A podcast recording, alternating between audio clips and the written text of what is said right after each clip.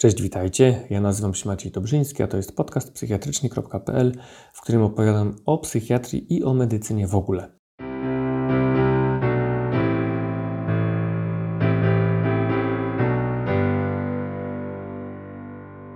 Ten odcinek to takie trochę e, pitu-pitu terefere, czyli moje e, refleksje na temat pracy i życia teraz w czasie epidemii albowiem mam zaszczyt pracować w oddziale psychiatrycznym szpitala, który został przekształcony w szpital jednoimiennie zakaźny. I powiem Wam, takie mam paradoksalne e, spostrzeżenie, że w moim życiu jednocześnie wzrosła ilość strachu, ale też jednocześnie wzrósł, wzrósł spokój. Co jest takie dziwne, nie? Z jednej strony ewidentnie no mamy, yy, chyba wszyscy jak tu pracujemy, tak mi się wydaje, taki lęk, strach przed tym, co to będzie dalej y, z nami, z naszymi rodzinami, bo wiecie, to tak, tak naprawdę jest takie, trochę zależymy wszyscy tu od siebie. Jeżeli ktoś z nas y, będzie się nieumiejętnie źle przebierał, no to prawdopodobnie się zarazi. A jeżeli się zarazi, to może być tak, że zanim to zauważymy, y, zanim tam test będzie wykonany, przyjdzie wynik i tak dalej, to jest jakieś tam ryzyko, że zarazi też innych.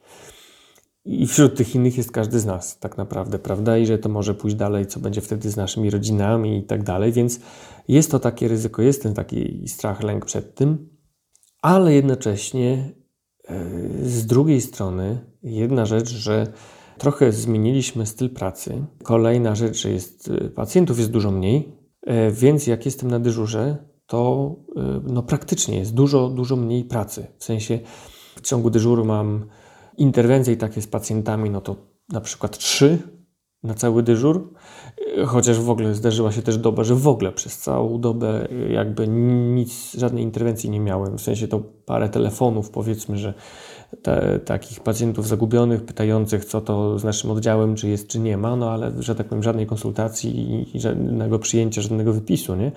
Więc pracy jest dużo mniej, wobec czego zacząłem na dyżurach między innymi czytać książki w ogóle wziąłem sobie do, e, do pracy pamiętniki Henryka Ciecierskiego. To jest ponad 7, 700 stronicowa kobyła. Chciałem to od kilku lat przeczytać, ale w ogóle wystarczyło spojrzeć i mnie to odrzucało. W sensie, że nie, teraz nie mam czasu, mam pilniejsze rzeczy. No a teraz siedzę na dyżurze i czytam książkę. To, to jest taka e, zmiana. Druga rzecz e, na plus, w sensie co do tego spokoju większego, bo jak jestem w domu, no to spokój też jest dużo większy w domu, w tym znaczeniu, że nie ma takiego pędzenia, e, no to szybko dzieci wstawać, robić tu śniadanie, trzeba zawozić je do szkoły, przedszkola, tu do pracy gnać, a to tutaj jakieś jacyś znajomi przychodzą, a tu my do kogoś idziemy, a to to, a to tamto. Nie, no siedzimy w domu. Jest du no, dużo wolniejsze życie, nie? Co Y, wydaje mi się, że to jak żyjemy my z żoną, no to nie bylibyśmy w stanie bez takich zewnętrznych ograniczeń, nie bylibyśmy w stanie tak, tak zwolnić, jak zwolniliśmy teraz. Y, no i to też jest dużo więcej takiego pokoju, spokoju w życiu rodzinnym. No dobra, trochę może więcej o pracy. Jak to wygląda praktycznie, bo na początek to powiem Wam było tak, że tak wypadło, że moja praca trochę się zmniejszyła ilościowo, bo ja miałem 3 dni w tygodniu, dyżur i 2 dni, w sensie 24 godziny i 2 razy po 7,5.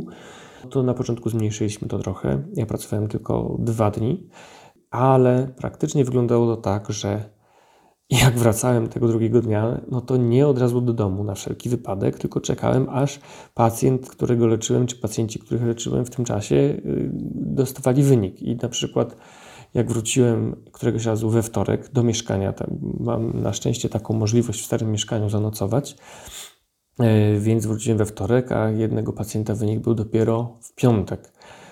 No to tam z kilku kwestii wygląda, e, wynikało, między innymi, że tam pacjent ten wrócił po prostu po jakimś czasie e, z zagranicy i dopiero jakby po tych siedmiu dniach od powrotu robiliśmy ten drugi wymaz, no i dopiero w piątek wieczorem wróciłem do domu, co nie? E, więc trochę zmieniliśmy ten tryb, powymienialiśmy się dyżurami i ja pracuję teraz takimi trybami dwutygodniowymi, że przez dwa tygodnie mam tych dyżurów e, możliwie dużo, ile tylko się da wręcz, gdy potem przez dwa tygodnie e, jestem w domu bez żadnych dyżurów. Co jest, powiem Wam, no, wydaje mi się bardzo korzystne. Zobaczymy długoterminowo, jak to będzie wyglądać, czy tak będziemy mogli ciągnąć. Kolega z drugiej strony mówi, że który się tak ze mną powymieniał, że no jemu jest trudniej dużo e, wytrzymać tak dużo w pracy ciągiem. No mi jak na razie całkiem, całkiem to e, pasuje, nie? No ale zobaczymy, jak to będzie wyglądać dalej. Ogólnie powiem Wam, e, z mojej perspektywy sytuacja wygląda całkiem, całkiem nieźle. Wbrew pozorom, w sensie E, to, co słychać doniesienia medialne o różnych takich zachowaniach, no, skrajnie nieodpowiedzialnych, czy to, czy to na Facebooku, co ludzie piszą, różne takie ciężkie sytuacje, e, czy to takie roznoszenie wirusa, w, czy w rodzinach, gdzieś tam ktoś napisał, e, zrzymając się na Sanepid, że czemu tam testów miał nie wykonane, no ale z tego co napisał wynikało, że tak naprawdę całkowicie nie trzymał tej kwarantanny. Tu pojechał do rodziców, ktoś na święta, ktoś tam coś tam i ca nagle cała rodzina chora i pretensje y, mają wszędzie wokół. No, powiem Wam, że z mojej perspektywy to y, wręcz wygląda to odwrotnie. W sensie warto powiedzieć, jakich pacjentów w ogóle przyjmujemy teraz, nie? Jako ten szpital jednoimienny zakaźny, a w nim oddział psychiatryczny, to przyjmujemy tylko i wyłącznie pacjentów, którzy pod, pod względem psychiatrycznym spełniają przesłanki 23 lub 24 artykułu, czyli bezwzględnie wymagają hospitalizacji psychiatrycznej i albo są z kwarantanny, albo są z objawami, no i tam z kontaktem, nie? No i praktycznie powiem Wam, że yy, wydaje mi się, że mamy taką wręcz nadrozpoznawalność tych objawów. Tak sobie nawet trochę żartujemy e, w zespole bo praktycznie trafia do nas każdy z tych wymagających hospitalizacji psychiatrycznej, każdy, kto ma więcej niż 36,9. E, wręcz przyjeżdża karetka, mierzy temperaturę, wychodzi 37,5, ola Boga, już nie biorą gdzie indziej, tylko już albo karetka mm, tam inna jedzie po tego pacjenta wręcz y, i przywożą do nas. U nas mierzymy temperaturę 36,6, objawów żadnych nie ma. Nie? I pacjent, no dobra, no trafił do nas, jednak tam zgodził się tam, bo teraz nie przyjmujemy przez naszą izbę, tylko przez SOR. No to w SORze ma wykonane te badania, ma pobrany wymaz, u nas jest nie kaszle, nie kicha, nie gorączkuje, nic się nie dzieje, przychodzi ujemny wymaz, no i yy, wyjeżdża yy, od nas i trochę tak się śmiejemy, nie? że to jakoś to się dziwnie dzieje, że przekraczanie bramy szpitala sprawia, że pacjentowi temperatura spada. No to wiecie, to takie żarty, e, jak to na oddziale są często, ale zdecydowanie wolę takie sytuacje, niż żeby ci pacjenci podejrzani zostali przeoczeni gdzieś i nie przywiezieni, co nie, i zarażali dalej. Więc jeśli chodzi o nasze środowisko tutaj psychiatryczne w regionie, no to wydaje mi się, że bardzo y, aż nadrozpoznawalność jest tego. Można na to uzyskiwać, ale ja się tak naprawdę cieszę, że jest to, no ewidentnie działamy, myślę, że działamy dobrze. Y, wręcz nawet powiem Wam, y, niedawno o mało nie trafił na nasz oddział pacjent w bardzo złym stanie somatycznym, z saturacją spadającą nawet do 70 Y, czemu do nas? No to był nasz pacjent w sensie psychiatryczny. W sensie on, on był u nas wiele razy hospitalizowany, my go znaliśmy, tam jasna sytuacja, tak, ale trafił do szpitala z powodu zapalenia płuc ciężkiego.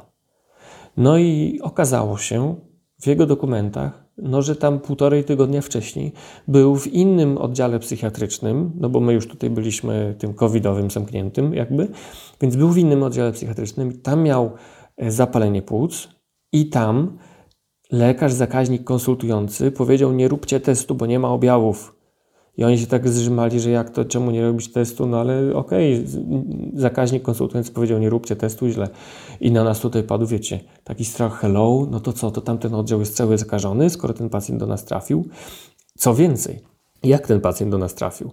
Trafił do nas przez, no powiedzmy, że był w szpitalu A przez ten jakiś czas z powodów psychiatrycznych, ale mając zapalenie płuc i potem po półtorej tygodnia pobytu w domu trafił do szpitala B, gdzie wykonano test serologiczny. Test serologiczny wyszedł pozytywnie, czyli że ma covid.